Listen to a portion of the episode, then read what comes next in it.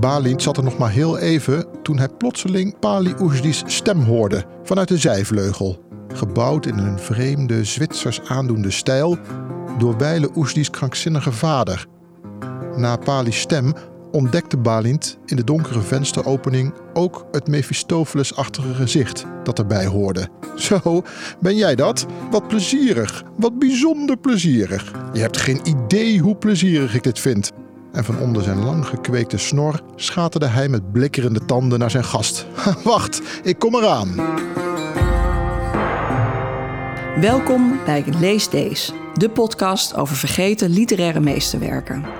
Mijn naam is Irene Houthuis. Ik spreek met drie kenners over het boek Te licht bevonden van de Hongaar Miklos Baanvi. Dit boek is het tweede deel van een trilogie. Het beschrijft de ondergang van de Hongaarse adel tussen 1905 en 1914 in Transylvanië. Graaf Miklos Baanvi was behalve schrijver ook diplomaat, korte tijd minister van Buitenlandse Zaken en kunstenaar. Het grootste deel van zijn leven woonde hij in het kasteel van zijn familie in Transylvanië, het huidige Roemenië. Rebecca Herman Mostert is de vertaler van het boek. Het verhaal blijft gaan over Abadi Balint, de hoofdrolspeler, en zijn uh, familie, zijn vrienden, zijn geliefden, zijn minnares, zijn plannen, zijn hoop, zijn dromen en alles wat daarmee te maken heeft. En dat allemaal in de context van uh, begin 20e eeuw in Transylvanië, in Hongarije en in het Habsburgse Rijk. De hoofdpersoon, wat is dat voor man? Een dromer, een nadenker, iemand die uh, voortdurend alles aan het overwegen is, wat er gebeurt, wat hij doet, wat hij niet doet, wat anderen doen, wat ze zeggen. En hij komt wel tot dingen. Hij, het, is, het is niet iemand zonder daadkracht of zo. Maar het is ook iemand met gevoel voor humor. En het is ook iemand met uh, een kritisch gevoel, ook zelfreflectie. Uh, dus in die zin vind ik het een heel sympathiek iemand. Ja. En een heel gepassioneerd iemand, want hij is ongelooflijk verliefd. Hij is ongelooflijk verliefd. Bijna dat je denkt, nou bestaat het dit is gewoon echt... En nee, maar ook echt met gevaar voor eigen leven. Letterlijk echt zo'n zo'n klassieke, klassieke romanheld. Iemand die, uh, die, die, die alles waagt om te kunnen winnen, ja. Het boek beschrijft het dagelijks leven van de Hongaarse adel... aan de hand van het leven van Balint Abadi. Paardenraces, bals, duels, diners, etikettes, kaarten in het casino, liefdesaffaires, discussies in het parlement en beschrijvingen van prachtige landgoederen en eeuwenoude bomen. Georgi Dandois, zelf Hongaarse, is behalve kenner van de Hongaarse literatuur ook tolkvertaler en schrijver van recensies. Deze trilogie gaat over uh, ongeveer tien jaar voorafgaand aan de Eerste Wereldoorlog. Hongarije is dan een uh, tamelijk feodaal land. Ook al is uh, lijfeigenschap op papier in uh, 1848 al uh, afgeschaft. Toch is het land van de landadel. De adel in Hongarije is natuurlijk heel anders dan de adel in Nederland. Ik denk dat de rol van de adel in Nederland uh, nooit zo allesbepalend geweest is als uh, de rol van de adel in Hongarije. In Nederland had je altijd het water waartegen je je moest beschermen. En als je niet samenwerkte met uh, je buurman, adel of niet, dan ja, zat je op een terp in het beste geval. In Hongarije was dat niet zo. Jaap Scholten, u heeft het voorwoord geschreven bij de trilogie. Eigenlijk ieder deel weer een ander voorwoord. We zitten in Café Schiller in Amsterdam en u zegt daarover... Dit had mooi gevonden. Het mooie is, ik kijk hier naar die prachtige lampen... maar het, het lijken wel gewoon ontwerpen van Baanvi. Want Baanvi heeft ook veel getekend. Hij kon goed tekenen. En ook veel kleding voor in de opera ontworpen, maar ook allerlei uh, decors. En, en dit doet me er echt aan denken. Het is echt de atmosfeer van Baanvi, dus we zitten hier goed. Wat, wie is Baanvi? Ja, Miklos Baanvi is uh, een voormalig politicus en minister van Buitenlandse Zaken geweest uh, voor Hongarije. En een van de grootste landeigenaren in Transylvanië. Maar hij is boven alles een, een schrijver. Hij heeft een tijdje in ballingschap gezeten in Den Haag. Hij kon toen niet weg. Hij was toen opeens als groot, grootste grootgrondbezitter uit Transylvanië overgeleverd aan wat hij bij elkaar kon schilderen. Hij was natuurlijk wel een, een keurige heer, dus hij had wel goed toegang tot uh, de beaumonde van Den Haag. En hij heeft zich in leven gehouden door daar de dochters van de gegoede klasse te portretteren. Maar dat heeft hij dus een aantal maanden gedaan. Wie weet is hij hier wel een keer geweest, in Schiller? Ja, bijna zeker is hij hier in Schiller geweest. dat was toch de, de plek waar het allemaal gebeurde in die dagen.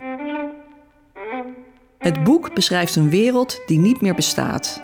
De dubbelmonarchie Oostenrijk-Hongarije. De adel, de kastelen met de landerijen. Toch herkent vertaler Rebecca Herman Mostert, die zelf in Roemenië woont, nog steeds veel in het boek en de foto's die erin staan. Je ziet op die foto's uh, die zorg, je ziet niet op deze foto's per se, maar op al die andere. Die lange lanen met die verzorgde heggen, die huizen, die prachtige meertjes, de arboretum, alles wat er bij die landhuizen hoorde. En ook hun zorg voor, voor de scholen, de instellingen, et cetera, die ze ondersteunden. En dat, um, ja, dat gedeelte is natuurlijk weg. Er zijn kastelen opgeknapt, er zijn nog steeds kastelen ja, in wording, zeg maar, in, uh, in, in de fase van restauratie. Onder andere dat kasteel waar Baanvi uh, het liefst verbleef, in Bonsida. Maar dat wordt natuurlijk nooit meer wat het was. Dat weet iedereen en dat is ook zo. Mensen wonen er niet meer, de hele wereld is gewoon niet meer daar. Maar het land, uh, wat, het deel waar hij over schrijft, wat nu in Roemenië ligt, um, dat is voor een deel de natuur, die bergen, die wildheid, die pracht. Dat is er nog steeds wel. En ook, hij heeft het dan over Transylvaanse humor en dat ze elkaar pesten en grappen maken en hoe dat gaat. En dat hele idee van gastvrijheid, bij elkaar langsgaan en dan uitgebreid de tafel dekken. En natuurlijk kan je blijven slapen. En dat bestaat ook nog steeds. Dat is ook wel aan het veranderen. Ontzettende liefde voor dat land, voor die streek. Dus heel veel van het gevoel wat in het boek zit, bestaat ook nog. Ja. Jaap Scholte heeft in zijn boek Kameraad Baron ook over de Transylvaanse aristocratie geschreven. In die tijd reisde hij veel door Hongarije en Roemenië. De familienaam Baanvi kwam hij toen overal tegen. Baanvi is, is erg aanwezig in Transylvanië. Dus je hebt dorpjes die naar Baanvi vernoemd zijn. En je hebt het prachtige Bonchida, het, het oude... Het Versailles van Transylvanië wordt het genoemd. Dat was het huis van, waar Miklos Baanvi ook de trilogie heeft geschreven. Waar hij heeft geleefd nadat zijn vader was overleden. Heeft hij het het landgoed eh, bestiert. Ik heb een vriend en dat is het neefje van Miklos Baanvi in Budapest, Tamas Barcay. En hij heeft mij een tijdje geleden, toen ik bij hem kwam, uitgeleend het fotoboek van Bonchida. Hij zei, oh neem me mee naar huis. En het was het fotoboek wat zijn grootmoeder gemaakt had. Uh, zijn grootmoeder was het oudere zusje van Miklos Baanvi in dat fotoboek is eigenlijk het hele leven op dat landgoed vastgelegd. Dus je ziet mannen in Roemeense witte tunieken, zie je een hele rij van wel honderd man met zeizen, het gras neer te zeizen. je ziet enorme koeien in het water staan in de Samos. Je ziet het hele leven rond zo'n landgoed. Het was rond half twee toen de zigeunerband zich klaarmaakte om het hotel te verlaten en de lentenacht in te trekken. Voorop ging Laji Pongrac, zoals het een echte primas betaamt.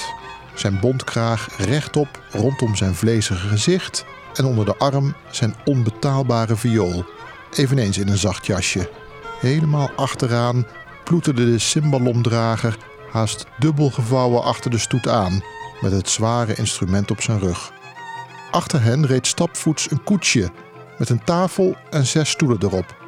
Op de bok zat een ober, die naast de koetsier was geklommen en daar nu met een mand vol glazen op schoot zat. Wel tien flessen champagne tussen de benen geklemd, als mede twee flessen cognac en een emmer ijs in zijn armen. Twee dienders sloten de rij. Schrijver Miklos Baanvi is geboren in 1873 en sterft in 1950 in grote armoede in Budapest. Baanvi's trilogie is grotendeels gebaseerd op zijn eigen geschiedenis. Hoofdpersoon Balint Abadi blijkt op Baanvi. Beiden zijn graaf, politicus en vooruitstrevend. En ze hebben allebei hun leven lang een minnares. Ik ga hier even wat voorlezen. Ze konden elkaar toch niet altijd blijven ontlopen en ze konden het lot maar beter recht in de ogen kijken. Dit strookte ook het meest met haar roekeloze natuur. Het paste hen tweeën niet om verstoppertje te spelen. Er was maar één dood en die hadden ze in Venetië al in de ogen gezien. En dan moet ik denken, hé, hey, dood en Venetië en verrek. Thomas Mann had Dood in Venetië in 1912 geschreven. En weliswaar gaat deze trilogie, dit, dit deel nog over het uh, jaar 1956, zoiets. Maar uh, Banfi schreef het in 1937. En zo zie je dat hij uh, erg goed op de hoogte was van de Europese literatuur. Het was ook zo dat hij kon Thomas Mann waarschijnlijk in het origineel lezen. Maar begin van de 20e eeuw werden de grote literaire werken uit uh, allerlei talen, zeker uit het uh, Duits en het Frans en het Engels en het Italiaans, in het Hongaars vertaald. Er was echt een uh, waanzinnig open lezerscultuur. Dat geeft dus zijn eruditie weer. Ja, dat klopt. Ja. ja. En uh, die eruditie strekte zich uit tot uh, muziek en ook beeldende kunsten. Dus die man was werkelijk super begaafd.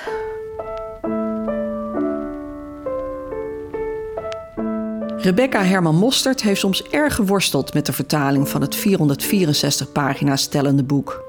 Dan waren niet zozeer de woorden het probleem, maar kon ze een bepaald gebruik niet plaatsen. Er is een scène in dit deel 2 waarin een uh, geweldige vrouwelijke personage waar ik heel dol op ben, Bogdan Lazarne, die Armeense uh, handelsvrouw. Zij, uh, zij gaat naar de markt, naar Samosuyvar. En Samosuyvar is van oorsprong een Armeens stadje. Je ziet daar ook voor je een prachtige vrouw, donker haar, felle ogen, et cetera. Nou, zij gaat dus met haar prachtige koets en al dat vee en een paar van die drijvers... gaat ze in alle vroegte naar de markt om zelf te handelen. Want dat laat ze gewoon niet aan een ander over. En dan wordt er gezegd, dan is er een halve opmerking... Uh, van hoe, hoe die markt eruit ziet en zo. En dan staat er... de prijzen van, uh, van het mestvee, de mestvarkens... werden mede bepaald door, door de alcoholfabriek, de spiritusfabriek. En dat was een zin, daar liep ik echt op vast. En denk, ja, ik kan dat letterlijk vertalen, dat is geen probleem. Maar ik, ik wil eigenlijk niks vertalen wat ik niet snap. En soms heb ik daardoor echt super interessante dingen ontdekt. Nou, dit was er ook zo een. Dus ik ging daarover lezen. Hoe werkt de spiritusfabriek? Wat heeft dat met mestvarkens te maken? Hoe bepalen zij de prijs? Ik snap het gewoon niet. Ik ging er met mijn vader eens over praten. Hij zei, ja, bij ons had je ook zo'n spiritusfabriek in Sharma's. Dat was uh, niet zo ver bij Samosui waar vandaan. Misschien 40 kilometer of zo. En ja, dat is zo. En die kochten dan heel veel graan en spul, wat die beesten dan aten. Kijk, ze kochten het graan waar ze de spiritus van maakten. Dus de basisbestanddelen voor het product wat ze maakten. Dan hielden ze of spul over. En dat voerden ze aan de dieren. Die beesten die groeiden dan en dat verkochten ze dan weer. Dat was ook een bron van inkomsten. En het was tevens een manier om alles af te voeren. Wat overbleef. economie noemen we dat nu. Precies. Oh ja, en dan heb je natuurlijk extra producten. Hè? Want dan gingen ze vaak, verkochten ze de beesten niet allemaal, maar sommige slachten ze en dan maakten ze weer producten van. En dan had je vaak een extra fabriekje bij zo'n spiritusfabriek waar ze dan vette producten maakten, gelatine maakten van de botten natuurlijk. Het is echt een hele, inderdaad, circulaire economie. Ik heb nog een heel aantal mensen geïnterviewd die hem nog gekend hebben. En die waren dan wel een stuk jonger dan hij. Een dame in, uh, in die vertelde dat toen zij kind was, dat hij anders dan alle andere volwassenen als een volwassene tegen haar sprak en niet met een soort kinderstem. Dat ze zich echt serieus uh, genomen voelde door deze man. Deze dame trouwens, Emma in uh, hij kende ook goed de minnares van Miklos Banfi. Die in de trilogie zo'n hoofdrol speelt uh, als uh, wat Adrienne Milo. Adrienne Milo. Adrienne Milo, dat was in werkelijkheid Carola Bornemisa. Een ongelooflijk mooie vrouw. Heel krachtig hoofd. Ik heb drie dames ontmoet die haar kenden.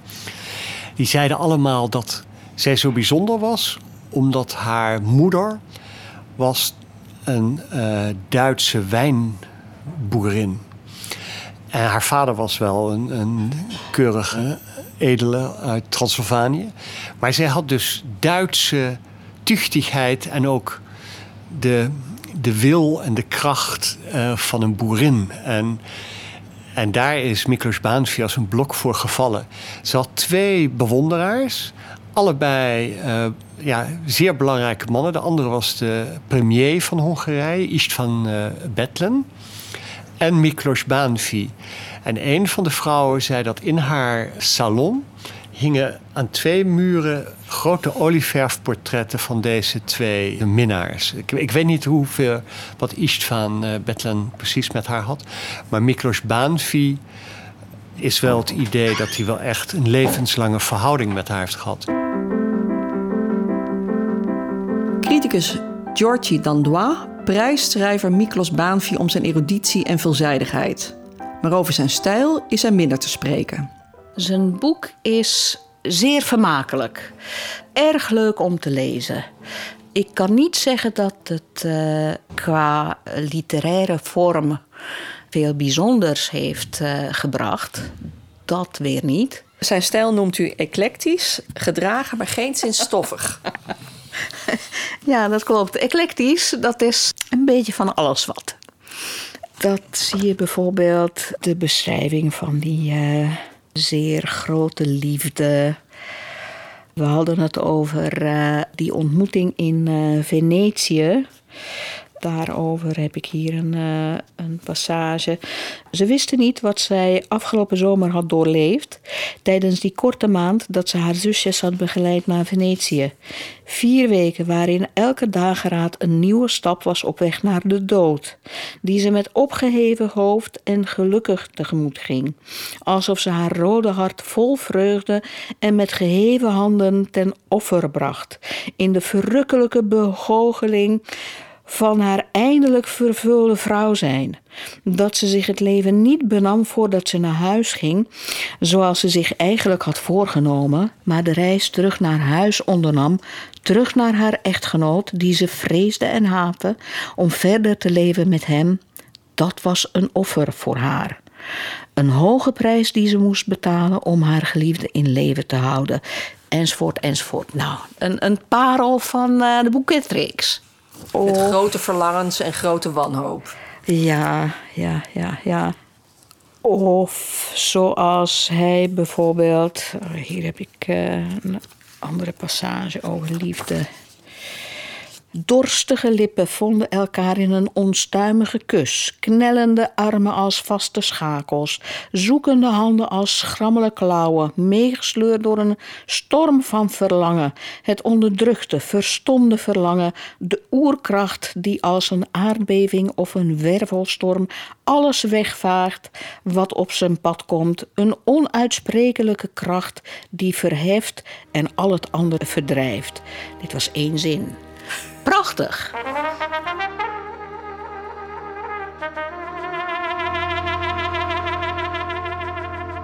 Vertaler Rebecca Herman Mostert geniet juist van Baanvies gedetailleerde manier van schrijven en zijn uitbundige zinnen.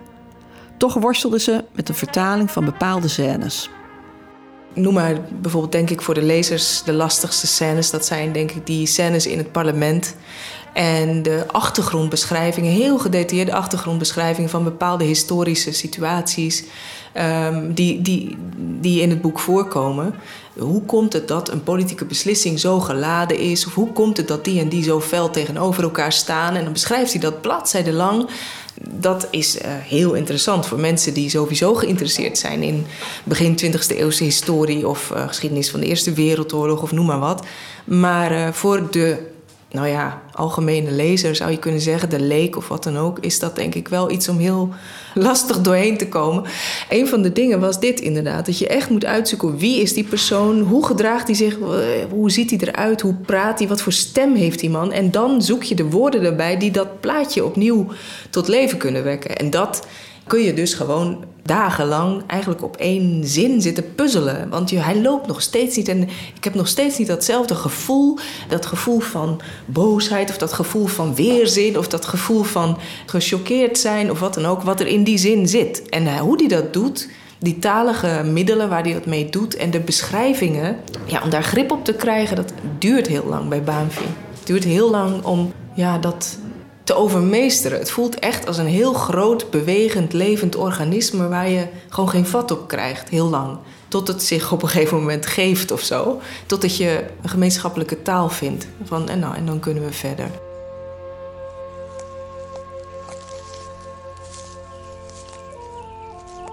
Links voor hen werd de begroeiing geopend en met lange passen stapte het edelhert uit het bos de kleine weide op. Het was een reusachtig dier, minstens zo groot als een fors paard. Hij droeg zijn geheven kop trots, koninklijk. Er schitterden zoveel takken aan zijn zwarte gewei dat Balint ze niet had kunnen tellen, terwijl het dier toch vlakbij stond, op een steenworp afstand. Hij was op zoveel vlakken en dat voel je in dat boek overal. Of hij nou over paarden schrijft, dan weet je gewoon... die man weet echt heel veel van paarden. Ook als hij over jacht schrijft, dan weet je... hij weet heel veel over jacht, maar ook als hij over de politiek schrijft... en in Hongarije en in Transylvanië... dan weet je echt daar weet hij heel veel van. En over de liefde en over al die bals, hè, het, ja. adellijke leven. Uh, ook over die politiek. Dat zijn trouwens, hij gebruikt heel veel echte namen. Hè? Dus uh, voor die politici, dat zijn gewoon bijna allemaal echte namen. Dus Apoin en, en iedereen die die gebruikt, dat zijn echt historische figuren. Maar daar heeft hij allemaal mee samengewerkt of in, mee in het parlement gezeten in Boedapest. Nee, dus op al die gebieden was hij, was hij thuis. Je, je voelt het ook als hij ik kan me een scène herinneren dat hij op jacht is en dat hij in een groot woud is en dat hij herten ziet. En het is allemaal zo goed beschreven dat je, je, je bent gewoon daar op dat moment. Nu stond het hert stil. Hij wierp zijn voorhoofd achterover. De twee dikke hoofdtakken, beide net een Turks kromzwaard, staken omhoog. En daar loeide zijn reusachtige stem met een kracht en een diepte die door geen enkel instrument kon worden nagebootst. Zijn adem en wellicht ook zijn verlangen was zo heet dat er hete stoom uit zijn keel omhoog wolkte.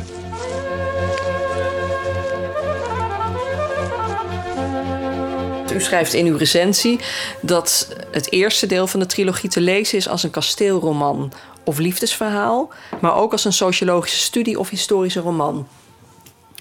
Ja, dat klopt. Heel veel scènes spelen zich af in het kasteel. Er zijn uh, grote liefdes, grote emoties. Wat deze roman absoluut meer maakt dan een kasteelroman, dat zijn de zeer rake observaties van, uh, van Baanvi. Weliswaar uh, van mensen en situaties die hij tegenkwam. Dat is uiteraard beperkt. Zijn eigen wereld. Mm, zijn eigen wereld. Maar wel zeer nauwkeurig. En uh, uh, met, wat mij betreft, heel veel humor opgetekend. De trilogie beschrijft de jaren voorafgaand aan de Eerste Wereldoorlog. Een tijd van ongekende groei in Hongarije. Tegelijkertijd groeit bij steeds meer mensen het besef dat de bestaande orde van toen gedoemd was te verdwijnen. Zeker bij de hoofdpersoon Balint Abadi en dus bij schrijver Miklos Baanvi. Ik noem het intelligent omdat het een uh, ongelooflijke mate van zelfreflectie bevat. Uh, zelfreflectie heb ik het niet zozeer over uh, persoonlijke reflectie, maar echt over de wereld, de culturele, politieke wereld van, van die tijd en van die concrete kringen waar de auteur zich in bewoog. Het is nog steeds relevant voor nu, ook, ook omdat het nog steeds, denk ik, heel bijzonder is dat iemand die midden in de feiten zit, in de gebeurtenissen, die ze zelfs mede vormgeeft, toch op zo'n manier erover kan schrijven. Dat je denkt, ja, maar hij werd er niet door meegesleept. Niet in die mate dat hij, dat hij niet meer kon zien hoe verkeerd sommige dingen waren. Of hoe het anders zou moeten. En dat, ja, dat vind ik verheffend. Dat vind ik echt intelligent. want dat was een tijd waarin het nationalisme heel erg belangrijk was. Ja, overal in Europa was het ontzettend belangrijk. En het nationalisme heeft per definitie iets van brani en iets van grootspraak en iets van bluff. En ik denk dat, uh, dat Baanvi daar echt een ontzettende hekel aan had. Misschien ook omdat hij het zelf kende, uh, er zelf ook wel meegedaan had en daar ontzettend uh, ja, genoeg van had. Zeg maar. En zag hoe funest het was. Het ruïneert dingen. Dat is, dat is geen echte geen echte zorg voor je land, voor je volk, voor je natie, voor de, voor de wereld, om het maar groots te zeggen. Uh, een gebrek aan realiteitszin, uh, ja, dat.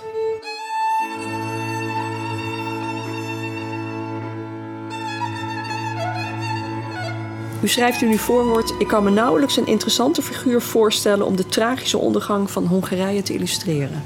Ja, omdat hij eigenlijk alles heeft meegemaakt. De dubbelmonarchie is ontstaan uh, eind 1900.